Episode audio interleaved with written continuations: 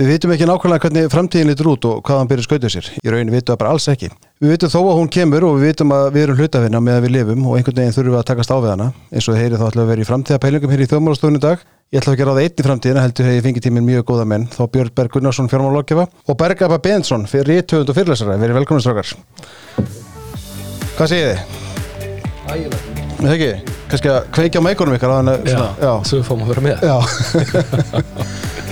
Herður, sko, þetta er samtal sem var til einhvern veginn svona þegar að einhvern tíma sátu við Björnberg og við vorum að ræða einhverja framtíðir og fórum að tala um efnaðasmál og þá voru að velta um það fyrir okkur að við þurftum að taka bara einhvern tíma hlaðastátt um þetta Já. og fá þennan góða mann hér, berga bara með okkur Já, svo einhver hefði smá aðeins djúpa þekking á þeim. málum. Já, svona þannig við getum rantað eitthvað og fengið svo sérfræðingir Já. Er það ekki? Þetta er bara mjög mikil heiður að fá að vera hérna uh, Erfitt náttúrulega að vera sérfræðingur í einhverju jafn viðfæðmu eins og framtíðinni sko. Þetta sé alveg eitthvað sem allir geta tekið undir.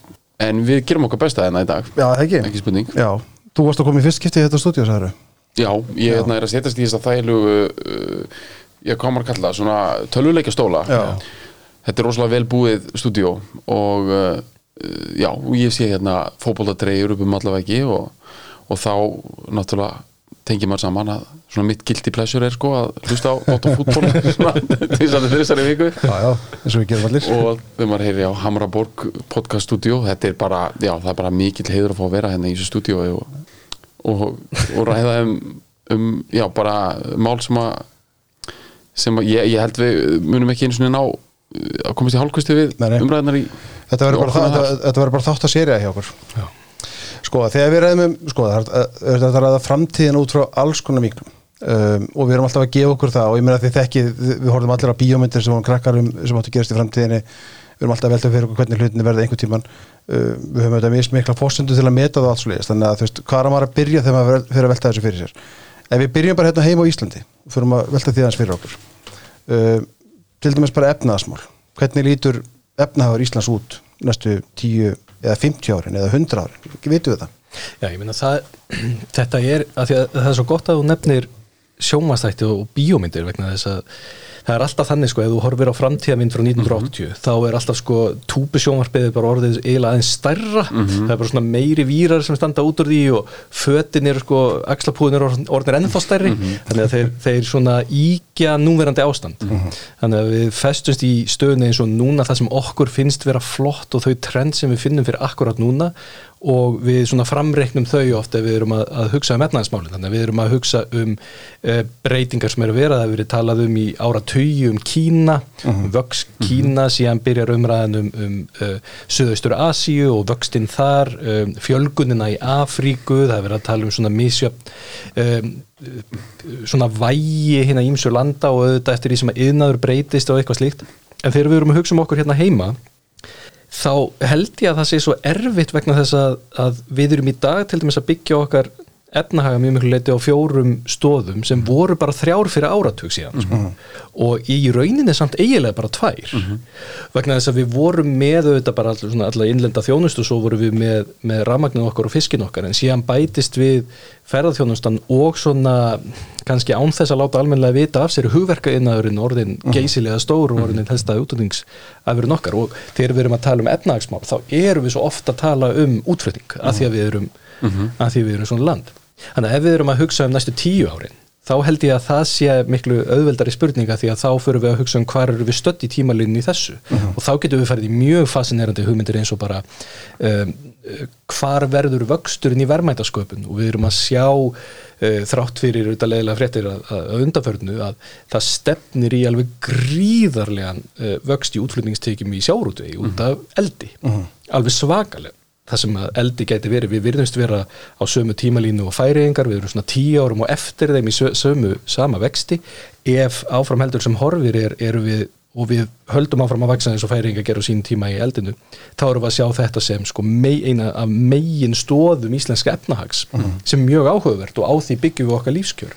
Að það, Við er munum að kalla á, ekki- það kalla þá á breytt störf og breytta mentun og Já, akkurat og það er auðvitað það sem að þar sem að, að, að ég hef ekki einu svonni sko hundsvit frekar en en, en, en á, á hérna á svona þeim samfélagsbreyting sem kunna fylgja, fylgja þessu vexti. En, en ef við erum að hugsa um efnahagsmálin bara í sko krónum og öðrum að þá erum við í ofsalega góðri stöðu vegna þess að við erum svo fá og auðlindunar eru svo miklar. Og vaksta möguleikanir í þeim auðlindum sem við höfum eru svo miklir Hérna, þetta er, ég er sko held að stuttasvari væri bara að við séum í, í hérna, og eigum bara að vera bjart sín og, og hugsa þannig um framtíðina.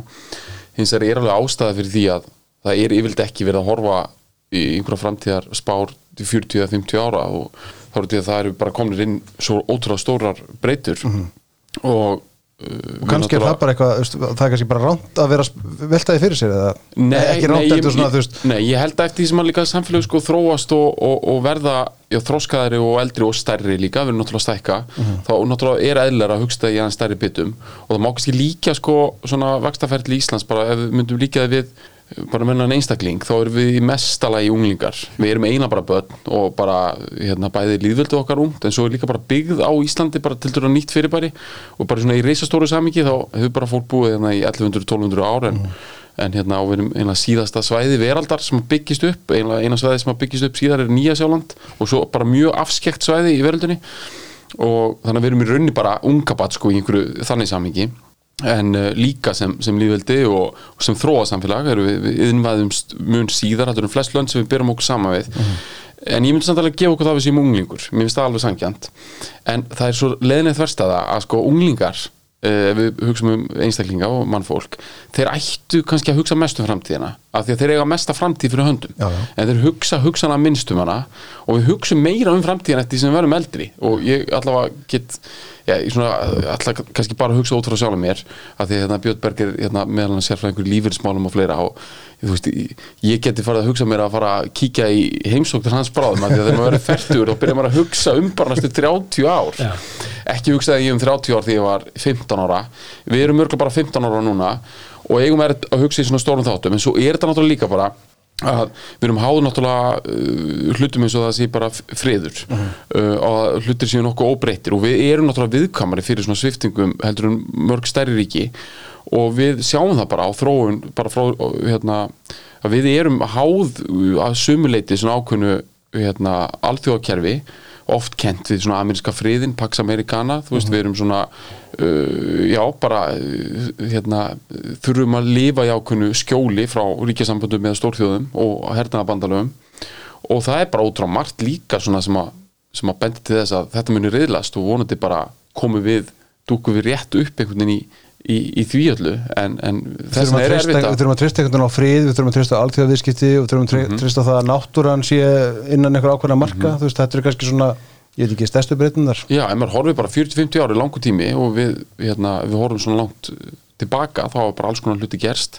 Já, uh, til dæmis við vorum náttúrulega eins og, og Björn bendur á með, með og svona en, en bara á sjönda áratögnum þegar var eina efnaðslegur uppgangur viðaskvar í vest, á Vesturlöndum þá voru erfið tímar á Íslandi það var síldabrestur og, og, og hafís og bara eitthvað við erum svo ótrúlega lítil og með fábreytan yðnað en eftir því sem við verðum með hérna, fleiri stóðir í okkar yðnaði og eftir því sem okkur fjölgar og bara okkar alþjóðastarf svona verður viðtækara þá kannski er eðlur að byrja að hugsa lengra fram í tíman og ef við höldum áfram með þessa líkingu að við séum unglingur þá erum við kannski þú veist, á þessum tíma næstu 40-50 árum förum við frá því að vera unglingur kannski vera, vera ung manneskja sem þarf að kaupa íbúð og taka lán og allt þetta. Og þá, þá eigum við, mér finnst alltaf lægi að taka samræður um 40-50 árum fram í tíman það eru náttúrulega nokkri hlutir sem við svo sem getum byrjað að spá uh, fyrir um eins og að því að nefna lífeyrismálin.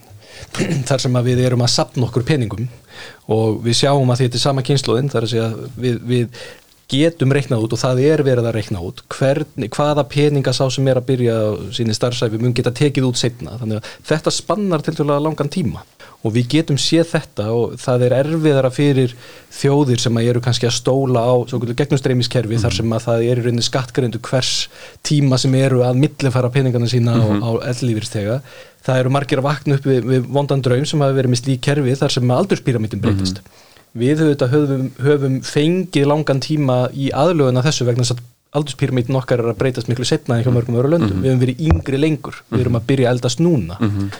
Og sem betur fyrir höfum við komið upp uh, nógu snemma þessu sjóðsöfnarkerfi sem við erum með þannig að eftir 10-15 ár sé þetta orðið tilbúið.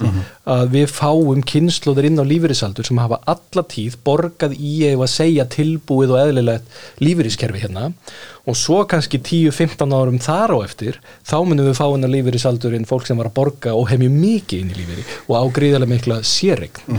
Og það er mjög skemmtilegt að því að við getum leift okkur með, með tölur sem að í rauninni segja okkur með tildulega mikill vissu hvernig staðan verður að getnum tveimur stórum fórsendum kannski með, með nokkur einföldum sem er annars vegar að því getnum við fyrir mikill að lifa allir 100 ára og hins vegar að það verði ekki meira út að hruna á þessum fjárfestingum að það er haldi.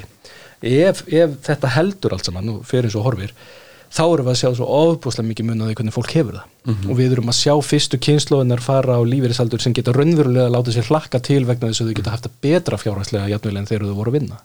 Það eru þetta ekki bara meiri áttar fjárhagsleg breyting, það er svona samfélagsbreyting. Og þetta Sem felur hvað í langstærsti- sér? sem felur það í sér að við erum að fara að sjá ákveðin tímapunkt ef hann áhugaverð samantætt sem, sem uh, Bendit Jóhansson sem var fjármálar á þreyingu þrjú kortir sem að hann tók sama fyrir heldur Tryggingastarfræðingur? Já, tók sama mjög áhugaverða skýslu fyrir held ég lífyrirsjóðin Byrtu fyrir ekki svo löngu síðan. Þar sem að til dæmis kom fram að, að, um, að hérna lífyris þegar sé að fara að verða uh, stærra hlutfall uh, heildar skattheimtu heldur en sem nemur fjöldaðir eða hlutfalls á þjóðinni. Og uh, þetta er ekki alveg þannig núna. Fólk er að detta niður í tekjum. Það vissulega er það þannig að síðan sér maður spartna hjá fólki aukast bara þegar það eru það gamalt að það eyður ekki peningum þetta er að fara að breyta svo mikið þetta er að fara að verða svo miklu neytendur og það er að fara að verða svo mikið kraftur í þessum hópi sérstaklega þetta konunum vegna þess að þessi ofbóðslegi kynjamunur í lífeyri hann er að draga saman.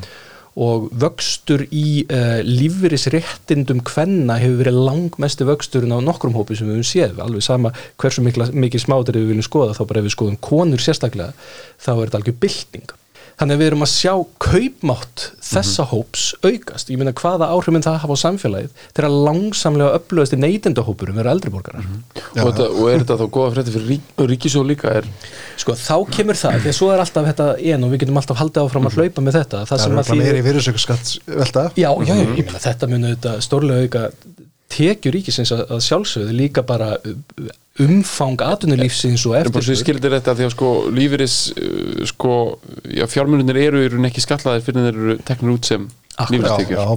Þannig að þetta verða mjög mikla tekjur en líka þegar þú ert komið með hóp sem eru neytendur frekar heldur en til dæmis um, eins og er í dag sem að mjög stór hluti er að fá til dæmis mánaðilega greiðslur frá almanntryggingum mm -hmm. tryggingastofnun, það mun fjara út að miklu leiti og mun minka talsvert þar sem að tryggingastofnun breytist í í rauninni það kerfi sem því er ætlað að vera uh, pólitíð sem er, sem er í rauninni bótakerfi sem grípur fólk.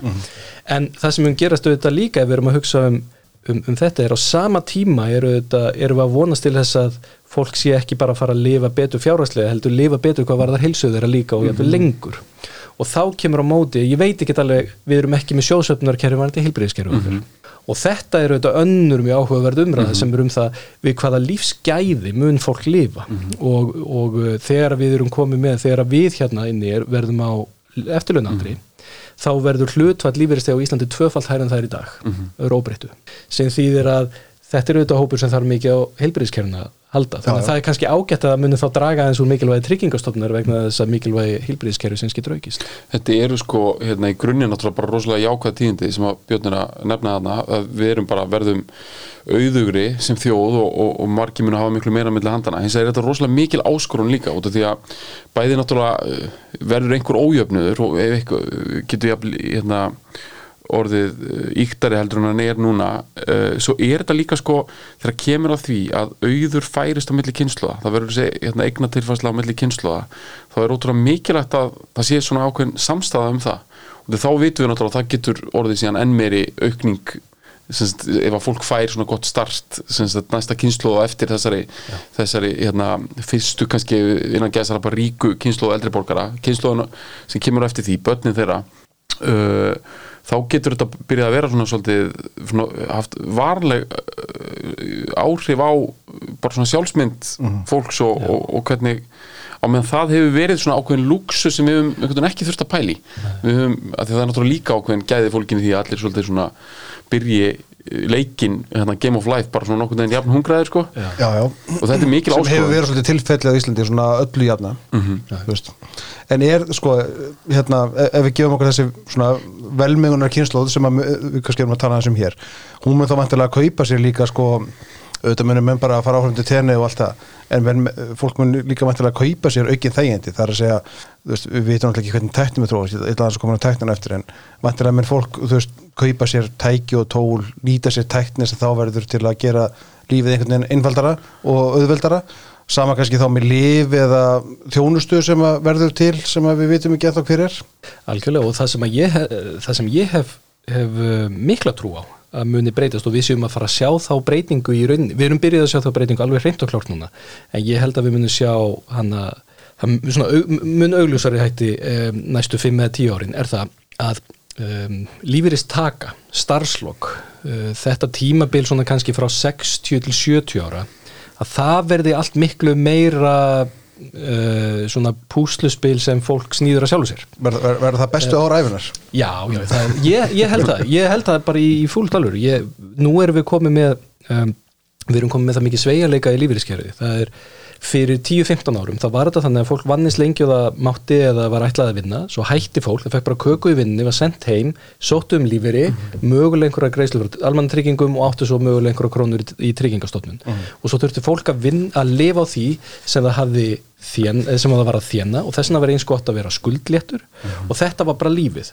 Þetta er að fara að vera allt annað þegar við erum að fara að fá fólk sem er kannski orðið um, 60 sem á 50 miljónir í viðbóta lífeyrisparnað eða sérnarspartnað sem er laus þá og er, er jætvel með jújú, jú, það kannski skuldar en þá 20 miljónir eignin sinni en eignin er 150 miljónar virði. Þetta er allt önnur stað þetta er fólk sem við hesta heilsu og hefur svigrúmið í það að mæta bara og kveðja yfirmannin sinn og fara bara að skri, leika sér. Skrifa bókinn sem það langa alltaf að skrifa. Vera hálft árið í útlöndum hjálpa krökkunum sínum, taka þátt í einhver þú veist, kaupa sem móturhjól og allir þessi pakki og grái fyrringurinn er að fara að vera á því líka með yfirsnúningi á, á næstunni út af svona lögu það verður bara, hérna, það er allir að fara að taka ringfaran á þetta? Þannig að- það er bara allir að vera að vera nákvæmlega, bara haldur en uh, þetta er svo mikil breyting sko, og þetta er svo skemmtilegt. Og ég er alltaf að reyna að brýna fyrir félögum mínum og, og, og hérna og fjölskyldum mínum svona við eigum að stefna á þetta sko. ekki endilega það að, að við eigum öll að fara inn í sama ferli heldur í rauninni þvert á móti. Að við munum öll geta vonandi allavega sem flest verið þeirri stöðu í hvort er í kringu 60 eða hvað er að einhverja valkosti. Mm -hmm. það er ekkert alltaf staðin hjá fólki í dag. Flesti þurfa bara að vinna af því að þannig er púsluspilið. En hérna, ef maður er komin í svona dýp pælingar Þetta er náttúrulega örgulega bara frábær framtíð. Ég ætla ekki að vera alltaf svona gurinn sem er eitthvað að pota í hérna, En það er náttúrulega stóra atrið Vanandi framtíðina. Uh, sem hefur örgulega að gera líka með eitthvað sem að við kannski tölum um þá betur eftir vanandi tækni og fleira, þú sjálfurknum að einhver fleira og, og kannski svona minni þörf á, á, á fólk, að fólk þurfa alltaf að vera við vinnuna sína svona vinna og eðli vinnu verður aðeins öðruvísi uh, hjá mörgum. Þá kemur bara á móti sko hugmyndunum tilgang og, Já, hérna, og það er sko það er byrjað held ég að verða svona smá aðkallandi mál og í löndum sem eru svona þróaðari þá vitum við að svona fyrirbæri eins og lífsleiði og skortur og tilgangi er svona það er það verður eitt af svona stóru atriðunum í framtíðinni. Og eitthvað uh, sem að kannski einhver ef það er svo hægt við einhverjum öfgum og vittlisu þegar fólk skortir hann hefðbunda tilgang og bara vera busy við vinnuna sína. Þá er svo stutt í hérna öfgaruglið sko. En verður ekki sko hérna þessi framtíð sem þú teitar upp í Berg er náttúrulega mjög áhugaverð og spennandi. Og hérna en e, verður ekki sko það er eitt sem að hérna áðans ég ætla að draga þetta niður að það er eitt sem mun, mun án ef að breytast og það eru störf. Já, og við vitum það í dag að ómentaður maður og ómentu kona, hún getur hann eða hún getur þú veist, verið dugligi vinnu og, hérna, og þannig hefur alltaf verið veist, þannig hefur verið sí- síðustu segjum svona 150 árin að þú veist, ómentaður einstaklingur getur verið duglegri vinnu og gert ágætlega við sig hvað það varðar. Uh, þetta mun vantilega breytast bara þegar til dæmis lagerstörf munur þurkast út vantilega innan 10-20 ára, við vitum það ekki. Þú veist, mun, eða hvað, mun þetta, mun þetta breyst Ver, verður erfiðara að, að starfa á vinnumarka að þú ert ekki sérhæður í einhverju sko þetta er svona já og nei sko, þetta er alveg rétt að þessi störf sem eru endurtekningasöm og krefast ekki mikill hugvits, það eru störf sem að munu í rauninni þurkast út og, og hérna Er það eitthvað til óttast? hins vegar eru ótrúlega mörg störf sko sem að krefast kannski ekki endilega þess að fólk sé mentað en er verða ekki svo auðvitað hérna skipt út.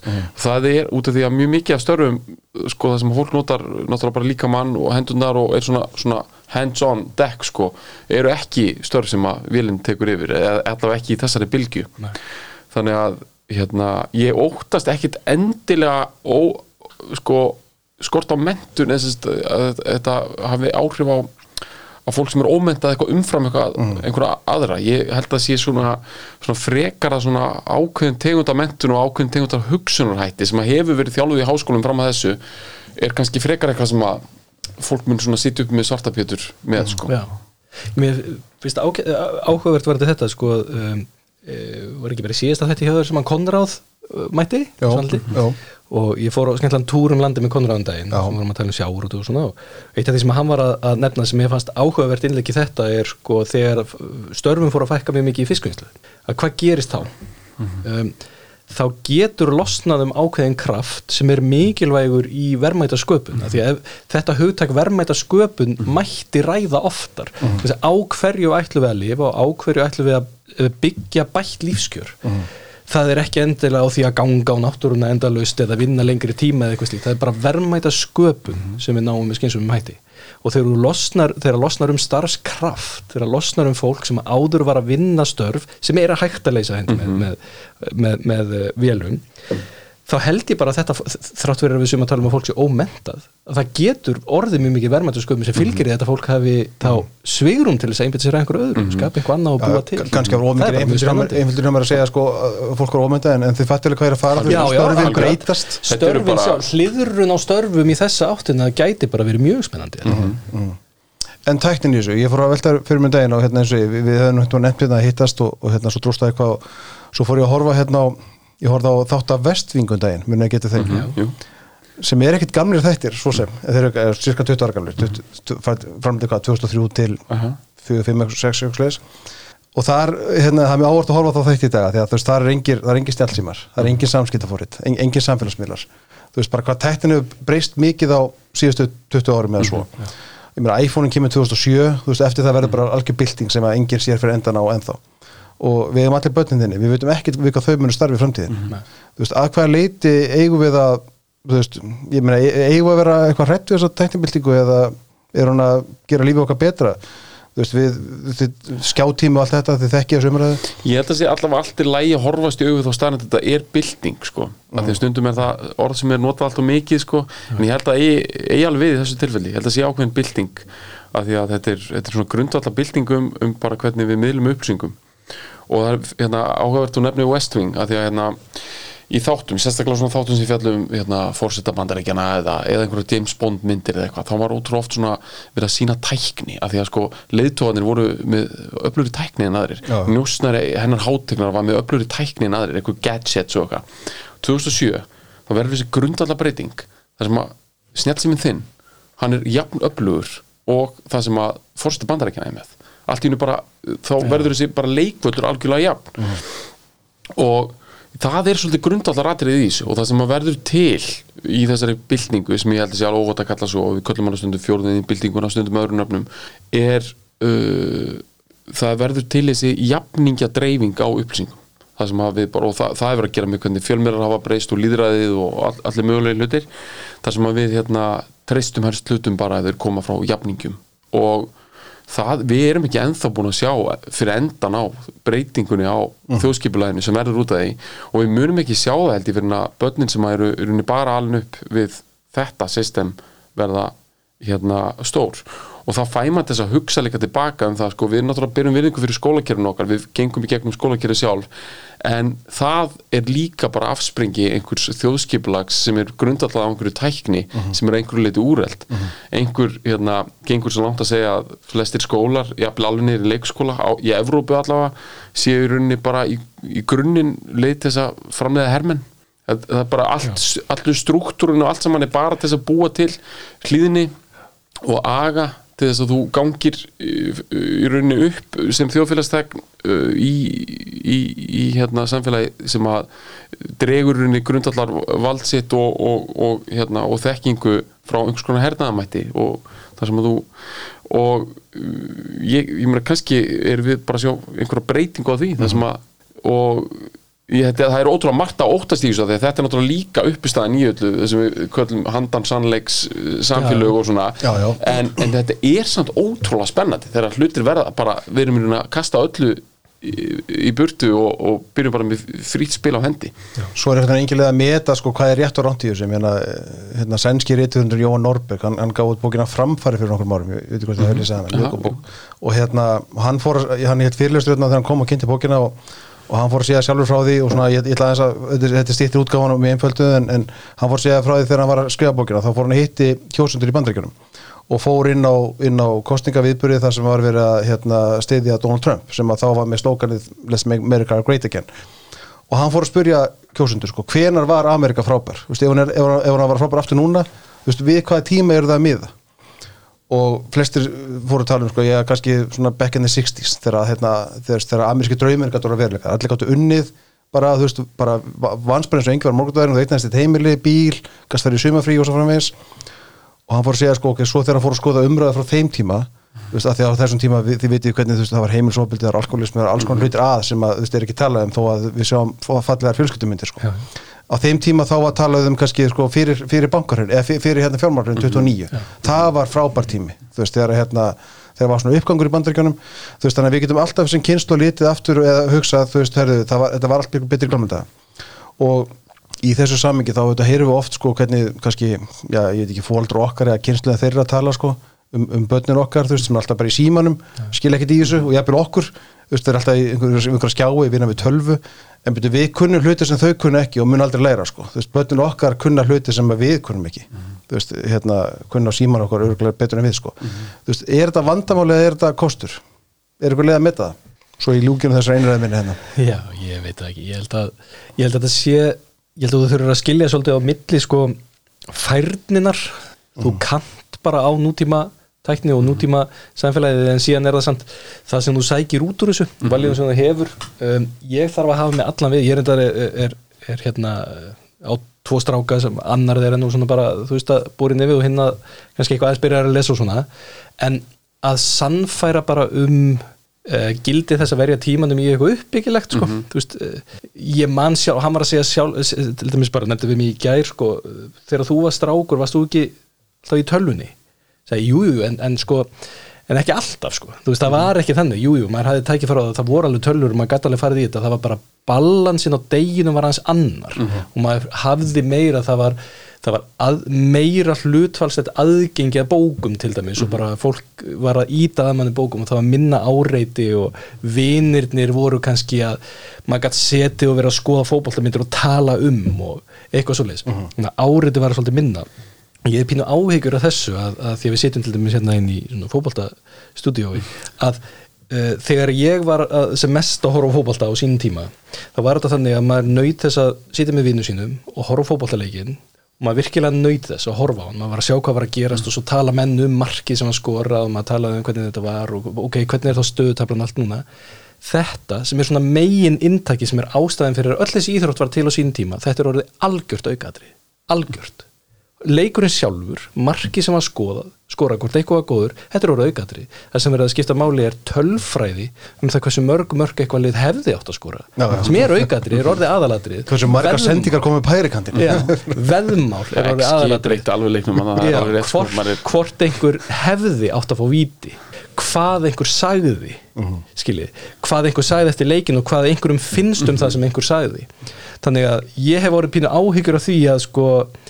þroski sem að maður fær og svona það sem, það sem þú notar aðgengið að upplýsingum og öllu þessu til þess að byggja upp í sjálfur. Ég, ég kannski frekar áhyggjur af þessu Ég hérna, finnst alveg hitta að naglan á höfuð þannig í byrjun út að segja sko að það er náttúrulega uh, sko hluti af því að, að læra á nýja tekni er náttúrulega líka að vita hvenær hún á við sko.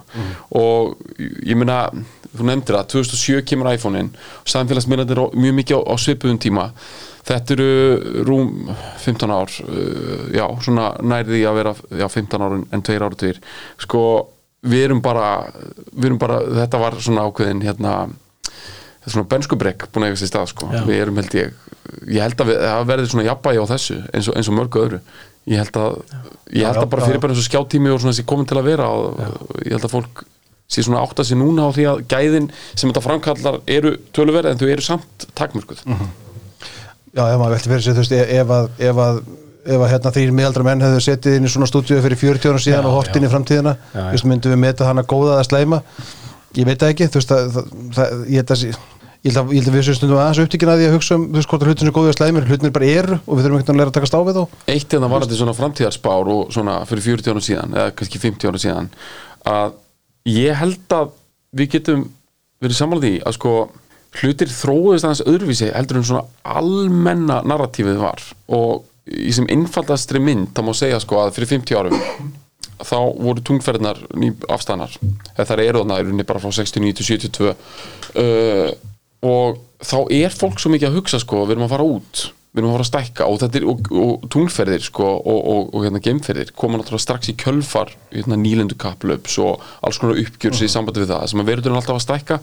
Og erum alltaf að hugsa held ég um, um nýlönd og uh, svo sko þetta er svolítið áhugaverð breyting sem verður að við förum alltaf meira inn á við. Af því það er í rauninni það sem að sko, þessi tækni, stafnantækni og, og þessi bylting felur í sér Hún, og, og jafnvel þó að sko interneti sé það sem það er Samt tenging á á hana fyrir ekki grið fram í sem Mhm. tenging út af við, sko. Já, alveg potið og í, í grunninn er þetta náttúrulega það að tengja saman hérna, heimsálfur og, og alþjóðavæðingu hefur náttúrulega vaksið efnaðslega og líka að mörgulegt eru við miklu synkroniseraðari sem, sem, eh, sem, eh, hérna, sem veröld heldur en við vorum en eins og við vitum þá náttúrulega hefur þetta svolítið leitt til þess að við festumst inn í bergmálsellum eða hvað við viljum kalla við festumst inn í okkar nærumhverfi og það er alveg potið og það sína það bara rannsóknir að eins og það sem við innbyrðum að fréttum það er, núna erum við miklu uppteknari af nærumhverju okkar og ekki bara fréttum um eitthvað merkilegt sem gerist bruni í Reykjavík í staðin fyrir stríð í útlöndum, heldur bara nærumhverju svona eins og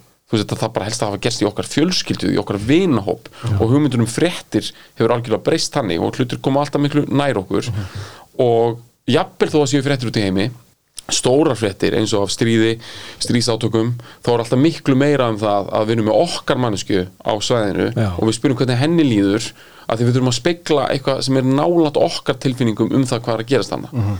Og uh, ég held að þetta hafi, það sé bara öfugt við sínina sem við höfðum fyrir 50-60 árum. Þess vegna er áhugavert að því við byrjum náttúrulega þátt að hugsa hvernig verður þetta 50-60 ár? Í grunnina er þetta alltaf líka bara hvaða linsu erum við að horfa í gegnum? Þú veist, við erum, við erum eitthvað eitthvað virðis og gildismat um það hvernig framtíðin verður fyrir 50 árum síðan svo er bara svona eins og leikreglunar um það hvernig þetta þróaðist eru alveg öfur við það sem að En hvernig breytist þar? Eh, Hvernig breytist þar? þær breytast þannig að sko við erum, við erum líka búin að tala mikið um ef, hérna, efnaðismál og, og við gerum það eru fa- fastar í sko hvað er efnaðislega framþróun sem er rauninni bara, þú veist, kaupmáttur er góður og það að eignast hluti er, er gott.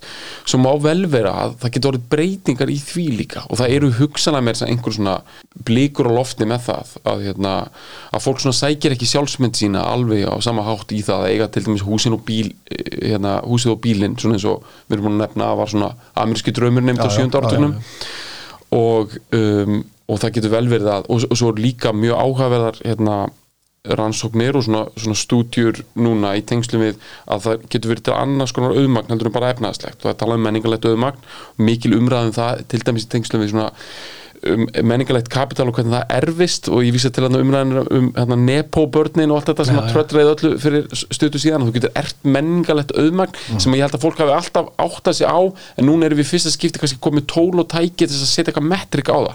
En, en, er en nærðu að meta það sem uh, sko, fjársóð nema þú hafið það gott efnaðslega Nei, já, mögulega sko. Og líka svo er þetta alltaf spurning um að uh, er það auðmagn nema þú getur skiptið út? En, en það verður nefnilega grundallar þessari influencer menningu, áhrifavalda menningu þá allt í hennu komin þessi hugmyndu það já, þetta er svo, svona vinsæl manneski þarf ekki að vera eitthvað mega vinsæl þetta er bara svona 1500 manns Heyrðu, það er bara 100 áskallar mánuð eitthvað svona sem er algjörlega sikk pæling. Að því að þú veist, þetta hefur eflust alltaf verið svona. Bara 1950 hefur örugglega verið gott að borga einhverjum 100 áskallar mánuð sem er vinsall og láta hann drekka einhvern orkutri en núna höfum við bara tölur. Já. þú veist, að menningalega uðmag þessara mannisku sem er náttúrulega líka feika einhverju leiti, það er ekkert að marka þú hafið einhverja þrjúst followers þannig að fólk getur mér þess að keift sér á skilst mér sko en þetta er held ég samt að fara að þróast áfram og alls konar annars konar auðmagn er að fara að verða til. Heldur um bara hérna, aðgengi að vörum og þjónustu eða sem sagt hvað þú getur keift fyrir peningin og, og, og þjónusta er að fara að vera miklu fjölbreytilegri og hvað þú getur fengið og, og svo er líka sem er náttúrulega svolítið konur út í svona skeri sálma en Björn er búin að nefna það að það er ekkit varð í alltaf auðmagn nema þú búið við heilsu sérstaklega svona 60 ára pluss þá skiptir ótrúlega miklu máli aðgengið þetta heilbriði, mm og getur þú keiftir það getur þú keiftir umfram aðra í röðinni verður þetta ekki að universal þetta hefur verið og, og líka bara heilbriðiskerfið ég held að það sé líka annar hlutur sem að ég veit ekki en ef við horfum 40-50 ára í tíma muni breytast ótrúlega mikið. Og í stuttumáli frá því að vera reaktív heilbriðisjónusta yfir í að vera hérna, fyrirbyggjandi og, og það sem við verum að að mappa út áhættu þætti og fleira og þetta er með aukinni hérna, rannsóknum og tækni í genarannsóknum og svo alls konar tólum og tæki með hjálp gerfugreindar sem er að fara Já, við vitum, að, við leik, vitum að það verður ekki einhver, ný, ekki einhver svaklega bylting og nýsköpun í heilbíðiskerfinu þá erum við bara skrút sko. að heilbíðiskerfið eins og það er núna getur ekki þjónast okkur eftir 30 ár sko. Nei, en að því sögðu að við höfum nefnt líka með framtíð starfa að það er ákveðni þættir í heilbríðiskerfinu um, um önnuna störfin uh, sem að það er eng, engin sérstakar engar sérstakar blikur á loftu um að tækni munu leysa af hendi. Ekki nema náttúrulega þessi róbóti sem eru að fara að búa um rúmin á, á, á Já, sjúkrahúsinu eins og talaði um daginn. Mhm. en uh, mér fannst uh, að því þú varst að tala um einmitt sko hvernig, hvernig hérna hvaðan fólk sækir upplýsingar Mhm. sem er svolítið áhugaverð er þetta ekki líka það að, að það er ekki verið að matreiða ofan í okkur eða, eða sjóða Mhm. niður og rittstýra upplýsingunum uh, með sama hættu áður ég, ég hugsaði þetta með til, eh, svo ég fari nú einni íþróttinni yfir í aðra þegar maður var að fylgjast með NBA-deildinni þegar hún var að, að, að slíta barskotum hérna heima í sjónvarpið hérna, og maður var að fylgjast með þar það var þetta einu sinni viku þar sem hún búið matrið ofan í og eins og, eins og það, þættin eins og íþróttaspeillin eða hvað það var. Að þeim var það þannig að það var bara eitthvað keppni í siglingum og þetta var, þetta var sett fram með þannig hætti að það var íþróttafréttamæður sem hafði svo ofbúslega mikið vald af því að hann bara sagði okkur hvort þetta væri áhugavert og hver væri bestur og hver væri áhugaverðast í keppandinn og hvers vegna þetta væri svona mikilvægt og það var allt matrétt ofan í okkur. Og með þessari matreyslu í tímaritum, í fréttatímanum, í öllu þessu að þá var verið að segja okkur hvað upplifum við ættum að hafa þessu öllu. Og þetta hefur algjörlega molnað og núna eru við beðnum að tólka þetta allt með rauntíma upplýsingum sjálf. Og aukin ábyrð, aukin vinna. Já, já. Æ, við höfum nóg Það að er gera mikið. þó við þurfum ekki að vinna í framtíðinu það er mikið að mynda sér skoðanir og allir mögulegum hlutum. Já, Já, aðgengi upplýsingar hlýtur að vera samt rosalega stór þáttur í þessu því að eins og þú segir sko, menna, við lásum og horfum á fréttir áður fyrir og fengum upplýsingar um einhver atriði, hvað sem er íþróttir eða eitthvað sem var að gerast á alþjóðsviðun eða innanlands eitthvað. Núna náttúrulega, þú veist, gerist auðvitað það að, með, kannski með tæknibildinguna auðvitað, að aðgengi upplýsingar verður auðvitað allt, miklu meira og allt öðruvísi. Og það verður náttúrulega líka þá sko það hefur vantar að kosta og galla, veist, að það, sko, annarlega sjónamið eða, eða kjánarlega sjónamið eiga, eiga jafn mikið upp á pallborðið eins og sjónamið þú veist, sérfræðings. Og bara raung gagna úrvinnsla. þú bara skrifar eitthvað á Facebook veist, eh, grein sem þú hefur kannski sendt inn í blað fyrir 20 árum veist, flestir ístur hefðu kannski sagt bara er þetta, þetta er bara rugg, við erum ekki að byrta þetta sko. þú byrti þetta bara á Facebook í dag eða einhver, Twitter eða einhver meðurum miðli. Og þetta er orðið þá hluti af þjóðfélagsumræðin eitthvað lit En við skildum þetta ekki fyrstu, fyrstu 15 árin. Við erum bara að byrja að skilja þetta núna á undanföldum árum að auðvitað eru bara undirliggjandi þættir að, að samfélagsmiðlar eru, eru, eru forritaðir á ákveðin hátt. Uh, Þeir eru bæði forritaðir náttúrulega á ákveðin hátt upp og bara þeir eru bara tekjumótil efnaðarslega svo eru þeir líka forritaðir út frá ákveðin gildismati sem að er ekkit endilega ja, universal og maður myndi halda. Og gildismati er svolítið svona að það sé ótrúlega gott að deila öllu og eigna sem flesta vini og þetta er rauninni gildismat sem uh, fólk deilir sko þegar það er í háskóla, í bandarækjunum þú veist, sem eru náttúrulega hvaðan samfélagsmiðlandi spretta uppalega en við bara einhvern veginn viss, við, við föttum þetta ekki kannski fyrstu 10-15 árin og erum byrjað að skilja þetta núna að það er alltaf það er einhver, alltaf einhver metrik á bakvið og einhver svona parametrar á bakvið þú veist, það er ekkert allt frjálst í þessu. En ef ég og þú erum báðir á Facebook og Twitter, segjum sem dæmi og við erum með allt öðru sem mynda af heiminum við sjáum allt öðru sem mynda heiminum þar. Þú veist, við getum haft ólíka stjórnbólskoðanir við getum haft ól, ó- ólíka vinahópa og allt þetta. Þú veist, ég meina, á hver- á hversu mjög leiti þróar það eða mótar það heimsmynd okkar og þá kannski sérstaklega til framtíðar ef, ef hún er ef, ef, ef við erum með sikkur heimsmyndina kannski hérna, svi- svipum aldrei og bara svipari stöðu í þjóðfélaginu með börn og bara að vinna okkar vinna og allt þetta en kannski eftir 20 ár sko, veist, hva- hvernig nú er ég að benda með höndunum myndi gott, Nei, nei, gott út af sko þetta er bara eitt af stærsta sem við erum á pæli líka að því að við byrjum á pæli, hérna, spurningunni hvernig verður framtíðin, hvernig verður þetta? Sko, framtíð hvers? Þú veist, er þetta hérna kannski er sko hérna, eftir að hérna, Time Magazine útnefndi bara þú ert maður ársins og var með speilin framan á.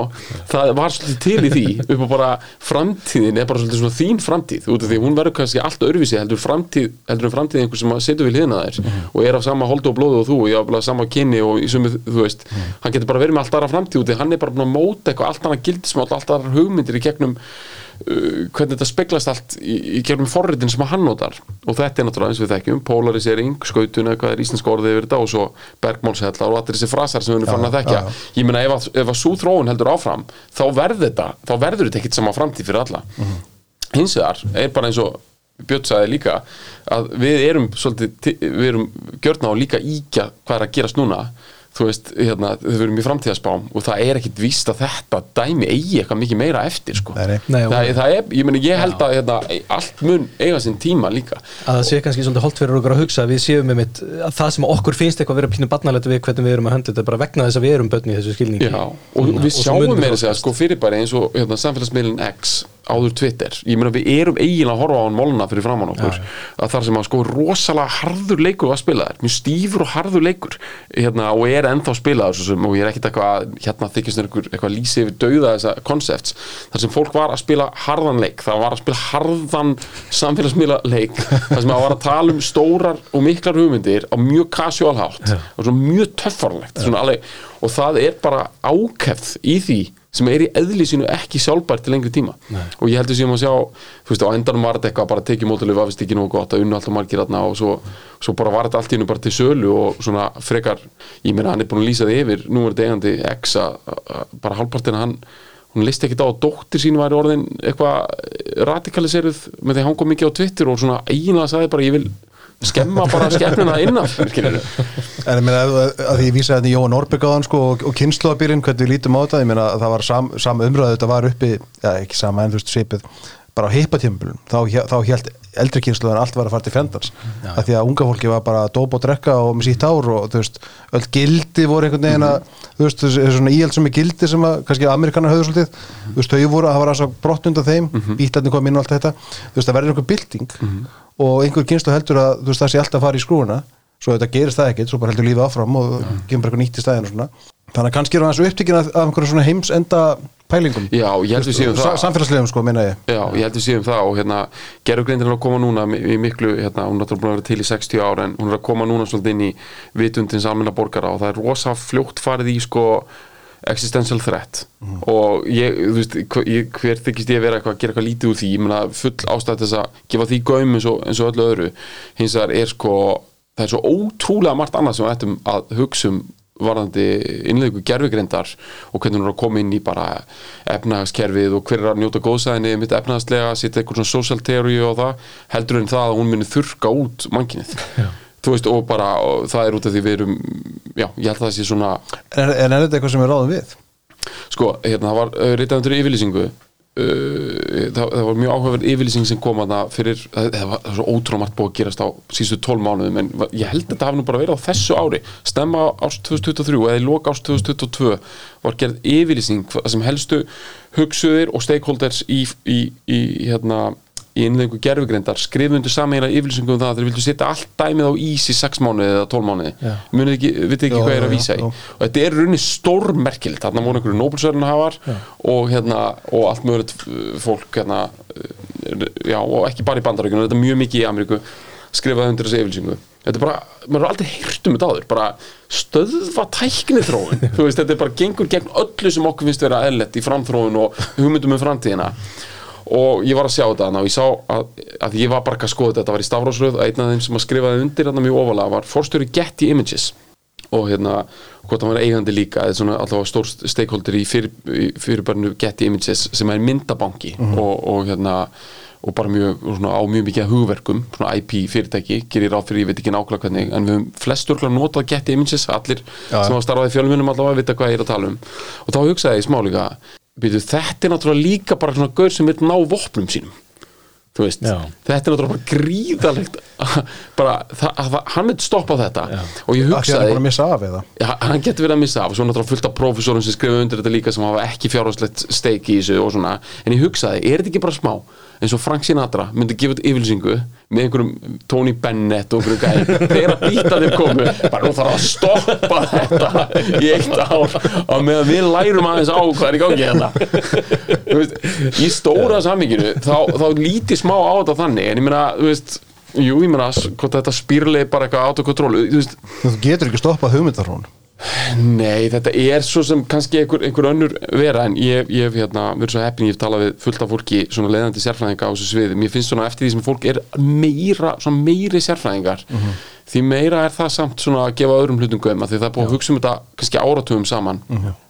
Og á meðan það er svona smá stundum svona lukkurittara fílingur yfir því að, að fara í þetta doom and gloom dæmi sko. Og það almennt er finnst mér ofta ábyrðaleysi í framtíðarsýn og framtíðarpælingum að sko að stilla hlutum upp í þú veist þessi sviðsmynd er eina mörgum og í þessu tilfelli eina alveg ótrúlega mörgum. Og, og hérna og þegar við erum að, að skoða hérna hvernig hluti geta farið þá finnst mér þetta oft vera ábyrðaleysi út af því að með því að gera þetta emma náttúrulega líka bara að uh, komi vekk fyrir að það verði til einhver sín og einhverja frankandir og, og fólk. Að ég sá hérna, við vorum með hérna það voru nokkru svona umræðupunktar hérna, ég prentaði þetta rundu út sko. Ein var sko hvort við eigum mikið, hvort það sé einhversu virði að tala um framtíðina. Já, já, það og ég segi 100% að við eigum að gera það út af því að tala ekki um hana eða þá að fara eitthvað dúmun glúmdæmi.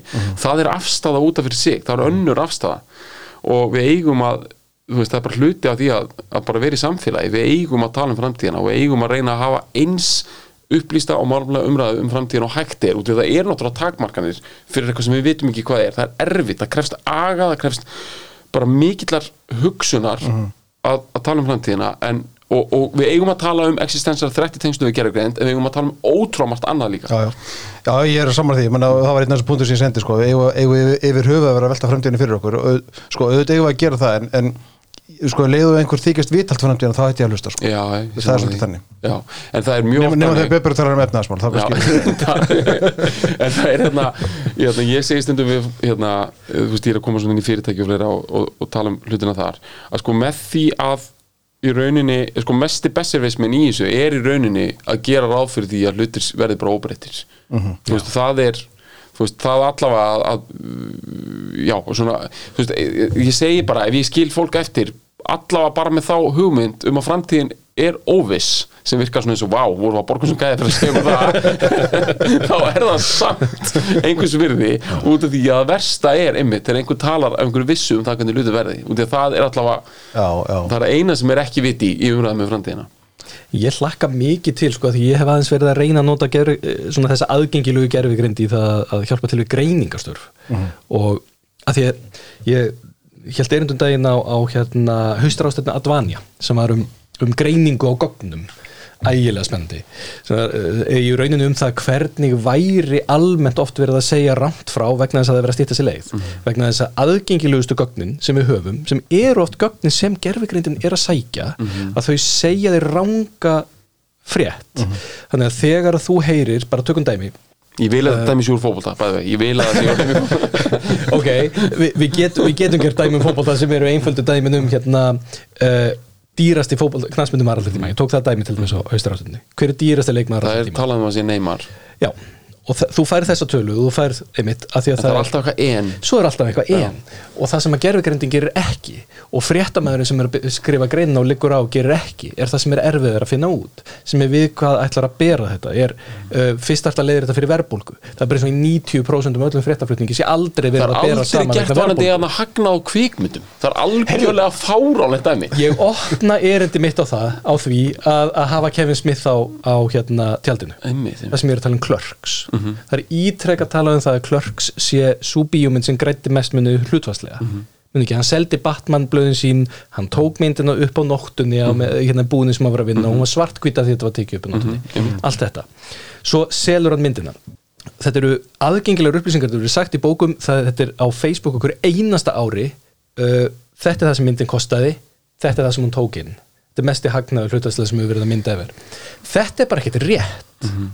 Og þegar ég set þetta inn í gerfigreina þá segir hún mér, klörks, þetta eru tölurnar. Þegar ég googla og fyrir á hvaða fjölmiðil sem er þá fæ ég nákvæmlega sem er sögum það er ekki verið að taka inn í myndina, hann seldi Harvey Weinstein myndina, hann seldi hana á einhverja, ég man ekki hvað það var uh, grættu auðvitað alveg svakalega á því en fekk síðan prósentu í hagnaði Heru, síðan eru auðvitað myndin Harvey Weinstein kaupir myndina og, og hérna uh, auðvitað fór þetta fram á hans viltustu vonum vegna þess að líka myndin græti svo mikið miklu setna, þú veist, upp á 2000 og svona þegar hún fer á, á hérna þegar hún nær rosalega traksun á videolögum og svo líkt. Nema hvað, að hann uh, gerir díl við Kevin Smith um, um hérna hluteld í hagnaði. Síðan bara fær Kevin Smith aldrei borgað vegna þess að Clerks sem að var þessi frábæra mynd með alla hennar hagnað og allt þetta, hún skila aldrei um hagnaði engum hagnaði. Vegna þess að meðal annars þegar hann fór með, með myndina á Cannes, kvikmyndaháttíðina þar og var með aðra myndilegni sem Pulp Fiction að þá setta meira með alltaf reikningin og allri markasetning og Pulp Fiction og reikningi og Clerks. Það er aldrei hagnaði víst á neinu svona kreditdóti sko. og svo er þetta halda endur þess áfram vegna þess að síðan þegar maður sér heyrðu, þetta er það sem hún tekur inn í bíóhúsi maður þarf ekki nema að ringja í bíóhús til að segja býtu, ert þú að fá eitthvað á þessu? Já, ég tek helmingin og bíóhúsið tekur helmingin nú ok, þá er þetta að deila með tveimur. Heru, svo eru tryggingar, svo er skattur sem það er að borga, svo er hitt og þetta. Síðan er aldrei neinar tölur um DFD, streymi, Waf-AS Blu-ray. Þannig að ef þú tekur kvikmyndir, ef þú tekur sjónvarp ef þú tekur fótbolta, ef þú tekur listir hvað sem er tölurna sem hún sér eru rángar sem hún sér í fjölmjölum og gerfgrindin er ekki hún er að, í rauninni endur óma þessi sömu þessa sömu stuttuleif sömu rángfæslur með því að fara stuttuleif og byrta bara aðgengi og þú erum líka átt okkur á sko, hvar upprunnin á þessu er svona eins og sko hérna, í músíkbransanum það má ekki glemja því að sko uh, sölutölur eru retorisk tól. Og hérna fyrsta guttplatan hún er vist afhend af Colonel Tom Parker til Elvis Presley. Bara hann fann þetta upp. Þú fann guttplötu sem var þá eitthvað bara 50.000 steindug og svo hefur það setna verið er ekki 500.000 steindug eða var það allavega svona enn í 90 sko þú veist sem er náttúrulega ógíslega mikið sko. En þú veist þetta er bara eitthvað þú veist þetta er bara eitthvað einhver leið til þess að búa til eitthvað metrik og svo heyri fólk það einmitt að, að hérna tónlistarinnar hafa aldrei náð votnum sínum eftir fall e, geisladisksins mm -hmm. En ég meina hvað kostar þið að taka upp í dag með það sem kostar á þeim tíma hvað kostar, jú það eru minni tekjur en þú þarfst að íta á enter á laptoptöluninu og lægið er komið í dreifingu á meðan þú þurftir áður að stimpla á diskinn og, og hérna mm -hmm. og dreifa og fara í gegnum Þetta er náttúrulega floknari svona tölur og regn út og þetta er já. það sem við stýttum okkur leið með og við, ja, akkurat, og þá breytist sagan. Það, það, líka, það líka breytist á samaburðin á milli ára og milli ára tuga það er akkurat máli og þess vegna hef ég og vantilega mun það gera það aftur. Sko, er ekki bara svona, við, við, við höldum að tölur stjórni svolítið svona ákvarðanatöku á heiminum. Svo sér maður ítrekkað það er að kemur að stærstu ákvarðanatökunum það verðast tölur ekkert skipta svo miklu máli. Fyrir utan það að stjórnmálafólk tólkar tölur einhvern veginn og jáfnvel bara tölufólk og hagfræðingar tólkar tölur einhvern veginn að það er bara ekkert efstert og bara mannlegt ímyndarafl og eiginlegi mannsins til þess að segja sögur. Mm -hmm. og ég held að sko þetta, þessi öll sem við erum að fara inn á núna svona post-truth og post-fjórða einbildingina hvað þetta er allt þetta er ótrúlega skeri en þetta er alltaf svona það verður aldrei verið gott að vera með ímyndurar, það verður aldrei verið mikið að en af hverju segir þetta sé skeri? ég held þetta sé skeri út af því að sko við höfum líka nefnt að í þessu spjalli hérna segjum sér svo að það verði hérna, að fólk muni hafa meira um milli handana og kannski ekki þurfa að vinna jafn mikið eða, eða svona einhvern veginn. Ég vil finna einhvern vott af svona lífsliða tilgangsleysi eins og bara einhverja aristokratar á 19. fundi fyrir. Sem er bara henn besta mál. Sem er safna frímyrkjum, sem er gera þetta og ferðalög og bara ég held að fyrir 99% fólki verði þetta bara gott mál, ég er ekki hérna. En svo er alltaf hætta í svoleiðis að, að fólk sko verði bara, já, bara stórkoslega hættulegri fanatískri ideológíu að bráð í svona ástandi. Já. og það hefur bara ég held að það var oft gerst í sögunni sko, þá við tengjum það nokkið meira við þegar fólk hefur minna á millihandana og, og er í þannig örvendingu en Já. þá er svona, en þetta tilgangsleysi er hættulegt fyrirbæri, þegar fólk svona finnur ekki tilgang. Já, þetta er bara eins og hefur oft verið bent á svona sem hættu hópa oft, þú veist, ungi kallmenn sem að verða atvinnlausir sem að hérna það, sem, það sem að er í, mörgu löndu það sem skortir atvinnu, skortir tækifæri og meðan rataklæsirast út af skortum og tækifæri en það er eitt svona bara til að tengja saman að því að sko, til hafa einhvern fókus, við erum að tala um framtíð Íslands þá, þú veist, ég held að uh, þessi, þetta fjölda atvinnuleysis atriði, þau, þau eru mjög relevant svona áskorum fyrir framtíðina í, í, í stórum löndum, löndum sem hafa jafnvel verið með 20% atvinnuleysi mjög lengi, bara stórum löndum í Európu, svo spá, Spáni og fleirum.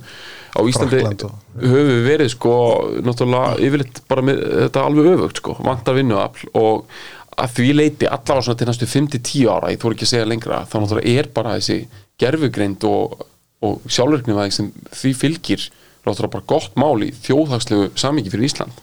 Það, Hvað- það sem hefur verið skortur á vinnafli Já, hvað svo sem verður eftir það sko, hvort við förum einhvern veginn í hin, hináttina of mikið sko. Já, þá færi bara þessir hérna lögminn og endurskóndur að, að vinna við eitthvað prótotíp já, já, já, þetta er áhugavert hérna, gaman, ég- og ég leiði mér svo sem aðeins að minnast á þetta því þetta er svona hlut til mín stjætt þess að ég læriði lögfræði á sínu tíma og, þekki marga úr þeirri stjætt sko lögfræði er í aðlið sínu stjætt sko, og, og, og fag sem að ætti að geta orðið uh, sjálfurskni væt að stórum hluta.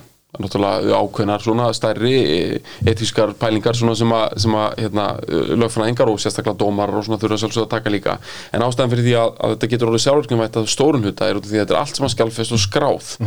Og, og það er eitt, eitt af enginum og eðli sko, lögfræðilegar hugsunar. Þar þarf alltaf að vera svolítið fært til bókar og, og, og, og, hérna, og hlutir ekki teknir á grundulli svona gethóta uh, við erum bæði aðeins venduð út af því að við erum í svona minna málsvæði og minna réttarsvæði sko.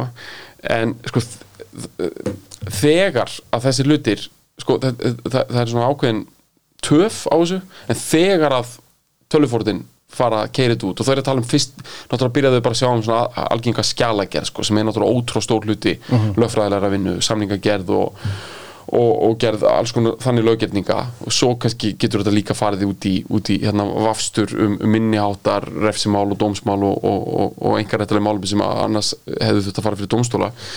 En þegar það gerist þá er það svo rosalega irreversible Þú veist, það, Já, er bara, já, já. það er svo rosa, þú veist, við læsum svo svakal inn í, það er ekki sjens að fara tilbaka það er ekki sjens að hugsa að núna þarf að hérna, menta manneski í fimm ár, í ströngu námi bæði við, bara svo ég takið það nú fram, bara lögfræðin er. Það er ekki sjens að fyrir tilbaka til þess að hún gerir þetta sem að núna kostar mig bara 50 kall að gera og láta okkur að tölvu gera.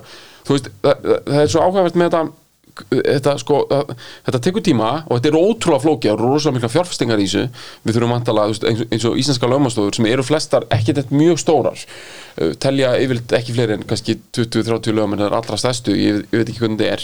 Þetta eru 20 miljóna krónar fjárfestingar í að bara fá hugbúnaðin og fleira sko, fyrir utan það þarf að þjálfa hann í mörg ár þar sem þú ert kannski svona ekki að fá mi- mikið fyrir fjárfestinguna í 50, þú veist, ég veit ekki hvað langa tíma. En þegar, þú veist þú veist, ég veit ekki hvað þetta heitir uh, hagfræðimáli eða viðskiptafræðimáli þegar hérna, þú veist að býða lengi eftir hérna, return of investment sko. en þegar það kemur, þá verður það þannig að þú fer ekki tilbaka og þetta en ef, en ef að tölvurnar er að lesa hérna, vittlust tölur á sölu á kaupundum okkur munið þá að lesa lögfræðin eitthvað réttir Þetta er nefnilega málið, þetta er, hérna, þetta er lærdómsferli, þetta tekur langa tíma og svo er líka ástæðan fyrir því að þetta hefur tekið langa tíma að innleðast í lögfræði og er ekki ennþá komið. Og þá mörguliti við margt sem var að heilbreyðist þetta líka, er út af því að það má líka ekki gera vittlisur, vittlisur eru rándýrar. Og, og hérna og, og, en ég held hins vegar að uh, hérna að á endanum er þetta hagsmunamat þú veist, á endanum er þetta bara það þú veist, er ein svona titrulega hættuleg villa og nú er ég bara að tala um ykkur svona Já, já, já. villa sem kostar þig 10 miljóna ég er ekki að tala um það að dæmi einhvern mann saklausan í fangilsi sko. ég held að uh, tölvur séu ekki að fara að gera það hérna, taka yfir þau mál en uh, er samt sko villa sem að kostar þig 50 miljónur í mínus á 10 ára fresti er hún samt þess virði að þú ert að Já, græða já. þú veist, 50 miljónur á ári alltaf gegn öllum störunum sem þú ert að losa sko. Já. þetta er hagsmunum á öndanum og, og kannski er þetta að því að skalin er lítill á Íslandi og til lítið þá munum við halda í hefðbundna stjætt lengur. En þetta er bara tímaspursmál og þetta er bara eitthvað sem allar stjættir eru, ég líka aðeins inn í stjættir rítvöfunda, að vera að tala um þetta hjá með það eru bara ótrúlega miklar áskorunir þar. Já. og ég hugsa að allar stjættir séu bara að tala svona inn í sín mál, fjölmjöla fólk náttúrulega mjög mikið. En getur, svo, svo bara kannski aðeins, ef við ljúkum þessu með sko gerfugrindina, ég meina þú veist, nú er oft verið að tala um þess að gerfugrind getur skrifað bækur, ég meina þú skrifar, þú, þú er spennir svona höfundur eða skrifar dramatíska sögur, þú veist, þú ert með eitthvað listrænt eðli til að koma því á framfæri, getur tölvulist þetta, sko, ég held að það sé best að hugsa þetta list, listræna sköpun? já, út frá sko, í staðan fyrir að svara spurningunum alveg abstrakt, alveg bara beint. Hugsaðu þeir frekar að þú ert framleiðandi til dæmis að kvikmynd og þú ert bara svona mm, jú, þetta er bara eina mörgum myndum og ég er ekki að segja að framleiðendur sé ekki passionate en þetta er bara verkefni sem þú átt að leysa. Og þetta er kannski þriðja myndin af eitthvað í einhverju röð, einhverja hrollvekju eða eitthvað. Og það þarf að gera músíkina, það þarf að gera handritið. Uh, og já, það er bara tilbóð þessum hún færi hérna, það er tónskáld sem ætlar að gera þetta og gera þetta, og það er að ráða þauðluleikar og allt þetta og það er bara 30 miljónir hérna. Og svo er bara eitthvað einhver lítið djöfull hérna á hinni aukslinniðinni sem er bara, eru AI bara 500 skall. Þú veist bara 160 af því sem hér kostar uh, hérna uh, eða hérna eins með handritið. Þetta er myndum með þrjú persónuðan er nokkurn veginn til, það er þetta matið þetta inn þú veist, handritið verður svona þú veist, mér er svo, ég hafði gaurin sem er að selja það gerur grindina verður eitthvað svona, þetta er svona 90% gott. Já, svo lesið ykkur yfir bara. Já, svo emitt, eitthvað en þú ert kannski að horfa á kostnaði upp á emitt, bara 500 skall í staðin fyrir 20 miljónur í handrit eða eitthvað og nú er ég að segja þetta með svona ákveðni vannþóknuna því að er, ég er þarna hinum með borðið sko og vil meira að þetta sé alveg fáranlegt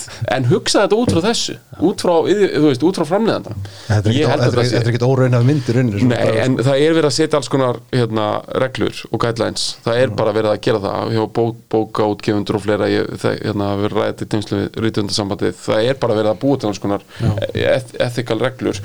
Og það kom út, það var svona pínu debatum þetta núna, það var að koma út bók fyrir jólin sem að er náttúrulega bara kemur út í gróðaskinni það sem hefur verið að taka höfundaverk sem er runni dottuð úr höfundarétti, það er ekkit IP á því og það er sagan um Dimmalim Já. eftir Mugg, Guðmund Þorstinsson Mugg og þar er ný myndskreiting betri sangat útgefanda að því að hún er ídaleri að því að Muggur gerði upprunlega bara einhver nokkrar ljósmyndir. Og það eru myndir og ég ætla ekkert að fullur um það hvort þessi gera það með gerðugreind að því mér skilst að útgefandan hafa aldrei viljað alveg tala, þú veist og ég ætla ekkert að fullur um það. En þetta, þetta er svona spurning sko.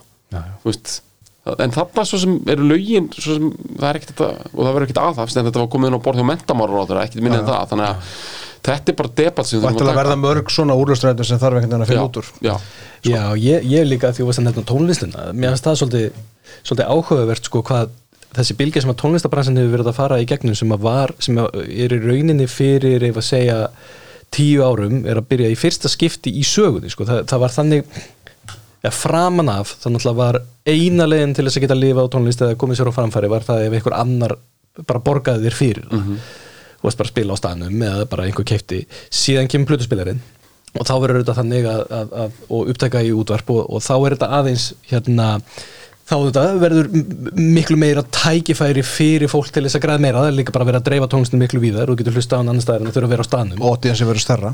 Og því verður miklu stærra en, en það breytist ekkert í þessu þar til að við erum komin tiltölu að nýlega einmitt á þann stað að það eru allir sem hafa hæfileika með beina leiði eirun á fólki. Einmitt. Af því að það, svo, það er svo mikið mál að þurfa að samfæra pródusera eða hvað þetta er og koma sér á framfæri og og, alls konar já, efni. já. nú er þetta þannig að tónlistabransin á heimsvísu er bara eins og YouTube. Mhm. þú veist, þeir sem að eru að, með einhver áskrundur á YouTube þeir eru í svo miklum miklu 0,0 eitthvað prósenti sko Mhm. varandi hæfileika hvernig sem þú tólkuðu allavega að ná til fólks Mhm. og tónlistin er komin á þannig sama stað. Og það auðvitað þýðir að það ætti að vera það hljómar eins og það hljóta þá að vera einfaldar en það eru miklu erfiðara. Mm -hmm. þú þarft þá í þessum skilningi að hafa miklu meiri talent en áður. Þannig að við ættum þá í rauninni að fá betri tónlist. En ef að gerfigrindin er að koma þarna inn þá svona hef ég það verður svona velta fyrir mér þarna, þar- þarna ertu þá komið með player sem hefur ósangjant forskot sko, miða við þann sem er að strakla sjálfur og reyna að koma sér á framfæri. En hann, þetta mun svona svolítið náttúrulega koma inn í gegnum sko, já svona það sem að hefur stundum verið kallað svona eitthvað music eða liftu tónlist eða svona þessi tónlist Já. sem þú gefur minni gaum sko, Já. sem að hefur samt verið borguð hérna, fólki hefur verið borgað peningu fyrir og hefur átt verið svona auka búgrin náttúrulega hjá mörgum tónlistamönnum og er náttúrulega ákveðin synd og þetta er náttúrulega svolítið svona alltaf leðint fyrir menningarlífið. En þetta mun koma inn þar fyrst. Á menn ég held að sko, stórkostið listamenn með bara miklar ástriður þú veist, ég, ég held einhvern veginn að að ég myndi einhvern veginn halda að það sé eh, bara eitthvað gimmick sko, einhver gerugrind er að fara eitthvað, eitthvað það verður alltaf eitthvað, eitthvað svona eitthvað popstjarnar sem er gerugrind, ég held eins að sko þessar stóru karaktera sem bara svona einhvern veginn halda og leiða bara fólk og hugga það í gegnum bara lífsins harm og bara heilu þjóðinnar það séu sko svona ofmeta gerugrindina allavega til Sko, sko, ég gæti haldið ykkur hérna í allt kvöld að tala, tala um framtíðina, ég heyri það marga pælingar í gangi, ég ætla að fara svona að binda enda á þetta, kannski ein spurning í lokin. Sko, er, er, líklegt að við séum einhvern veginn sko vísti þess að varpa ábyrðin á framtíðin yfir á aðra? Eða munum við sjálf, þetta er svona þegar spurning sko, eða munum við sjálf, þú veist, eh, hafa fyrir því að Já, til dæmis bara í efnaðasmálum, sko, munum við sjálf keppa að því að þú veist, reiktum lífurinn okkar að vita, herrið okkur við eigum þetta, eða munum við ætlast til þess að aðri sjá um hlutana fyrir okkur. Er Þú það að- prívat og persónulega? Já, og eitt? það, það, því að ástæðin fyrir spyrir svo að það er svo auðvelt að láta gera hlutana fyrir sig, Já, já. þú veist, og fá upplýsingar ódýrt, hérna, fara einhvern veginn stýttir leiðir í getum allt saman, þú veist, e, e, mun, mun, munu tættinýjungar, þú veist, auki aðgengi að fjármætni, upplýsingum og svo framvegis, mun það einhvern veginn gera okkur kærulisari fyrir eigin ábyrð, mikilvæg sens. Það gæti svo sem alveg verið að við þurfum að hafa minna fyrir hlutunum. Við, en við finnum líka bara fyrir þessu getum efnaðag sveiflur. Ég held að fólk hafi verið að líta minna á heimilisbókaldið á meðan við vorum í góðæri heldur en fólk er að gera núna. Núna reynir meira á og þá erum við að líta meira á þetta. Eh, Þegar að um, við fáum þau skilaboð að við þurfum ekkert að hafa neinar áhyggjur á efri árunum vegna þess að lífurinn verður svo frábær þá held ég við séum svo sem ekkert að vera að grípa mikið inn í. En ég held samt að þar, á meðan ég er að segja þetta þá erum við samt eiginlega að sjá akkurat öfugt gerast þessa stundina. Þar sem að þessi ofbúslega sveigjanleiki er til staðar lífeyriskerfið er alveg ofbúslega flókið sem við erum megin á Íslandi en við erum samt að sjá mikla vitundavækningu varandi lífeyrismálum og fólk er að spyrja út í þetta. Það er að sama varandi lánamál og, og hérna heimilisfjörmur aldrei verið flóknari. Aldrei ekki námynda við þetta. Það er bara endalaust úrval af, af, það, er, það er hérna kviksindi út um allt af einhverju Björn, sem sko, að bjóða ég þarf að kíkja á smá.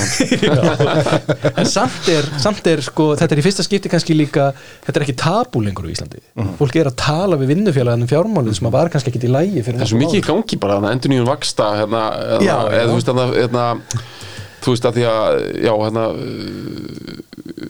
Föstu vextir ég föstu vextinni það er dæmi sko. Já, nei ég held að, að um, ef okkur ber svona ef þessi þróun heldur áfram sem að mér finnst verið einhver ákveðin vitundavækning þá hef ég ekki áhyggjur á þessu. Og ég held að þetta tengist ekki gerfugrindil, tengist ekki einhverju sjálfvirknavæðingu í þessu, ég held að þetta tengist ekki endilega því að um, að hagur okkar sé mikið að fara að vænkast. Ég held að þetta sé menningalegt mál vegna þess að þetta er líka bara munar á þessum hlutum milli landa. Kanin er mjög duglegur að takast á við þessi mál sjálfur eða svona og ræði þetta og líta á en kannski líka vegna þess að bara eðli fjármála er þar að fólk er eh, ekki með belt og axlabönd sko. Þannig að það þarf svolítið að- að að gera það. En ég held að heilt yfir ef við værum að tala um sko okkur sem land þá er þetta eiginlega ekki þannig. Við erum rosalega lítið um það að hugsa hvað það sem við erum að gera núna er að fara að kosta allir framtíðar. Mhm, það er úlingselementið þarna. Við bara og við erum ekki að hugsa um verðmætasköpun. Ég minna það eru við erum frekar að reyna að halda aftur og tala niður það sem að mun skil einhverju framtíðasköpun til, til, til lengri tíma Mér finnst það sko, hérna, mér finnst það rosa góð spurning sko, kannski bara frábær loka spurning að þetta er náttúrulega svona einhver tilvista spurning með ábyrðina. Ég held að það sé alveg rétt, ég held að það sé svona, þetta sé svona einn stærsta áskorunin hérna, þegar við fáum svo mikla aðstóð, alla mögulega aðstóð sko, við að, uh, hvað okkur á að finnast um hluti, hvort sem það er fótboltaleikurinn sem við vorum að horfa á eða allt mögulegt og við þekkjum ekki lengur okkar einn tilfinningar eða hver við erum og, og, og höfum ekki skoðun á bara bara tikkus við erum að þessu, þá erum við komin í til svona tilvistarvanda og, og, hérna, og tilgangsmál sko. En ég held alveg að þetta, ef okkur byrja gæfu til að leysa úr því. Ekki, kannski hefur verið erfitt fyrir suma en ég held að það sé sko, að það sé bara mannlegt eðli að leysa fram úr því og finna einhver, einhver dýpri tilgang og, og þá verður farið eitthvað dýpra sko. Og, og ég trú alveg smá á að það sé trickle down kerfi að því leiti að sko að það sé svona að nú er búið að leysa, þú veist ég meina einhver tíman gat ekki gátt ekki nema aristokratar skrifa bækur og gert hluti Já. að því að þú veist þeir hérna fættust inn í, inn í auðaði og ég veit alveg að það verður ekki tilfelli fyrir alla. Ég veit alveg að það verður áfram stjættaskipting og ójöfnuður. Hins vegar er verið að leysa alls konar svona grunnþarfir í meira mæli heldur en kannski jafnvel meira sem bara þegar við ólumstu upp. Og það muni leysa úr læðingi ykkur þörf fyrir að kafa það okkar dýpra og fara inn í ykkur, ykkur ókunn lönd sem við bara getum ekki vita hver eru. Við bara getum ekki vita, þetta er bara svona unknown knowns bara unknown unknowns bara eins og bara Donald Trump stundar á talum og það er það sem er svo spennandi en ég, það er nokkri frasar sem ég talaði um varðið framtíðana, það er öll dýmundur lapsins, þetta er bara, og ég elska alla þessa frasa, mér finnst þetta allt bara tala um byltingar og hérna og ég sé bara, eh, sko, svo mikið tækifæri. Mér finnst þetta svo spennandi dæmi, sko að það sé svona aðeins vera svona new deal í gangi líka varandi þjóðfélagsstruktúrin og upplýsingar og, og hérna, þannig að eh, ég fyrir mig það viðhorfin í þetta. Er það ekki brákvæðis lokaord? Björn Berg, Bergur Ebbi, takk fyrir komuna. Takk fyrir. fyrir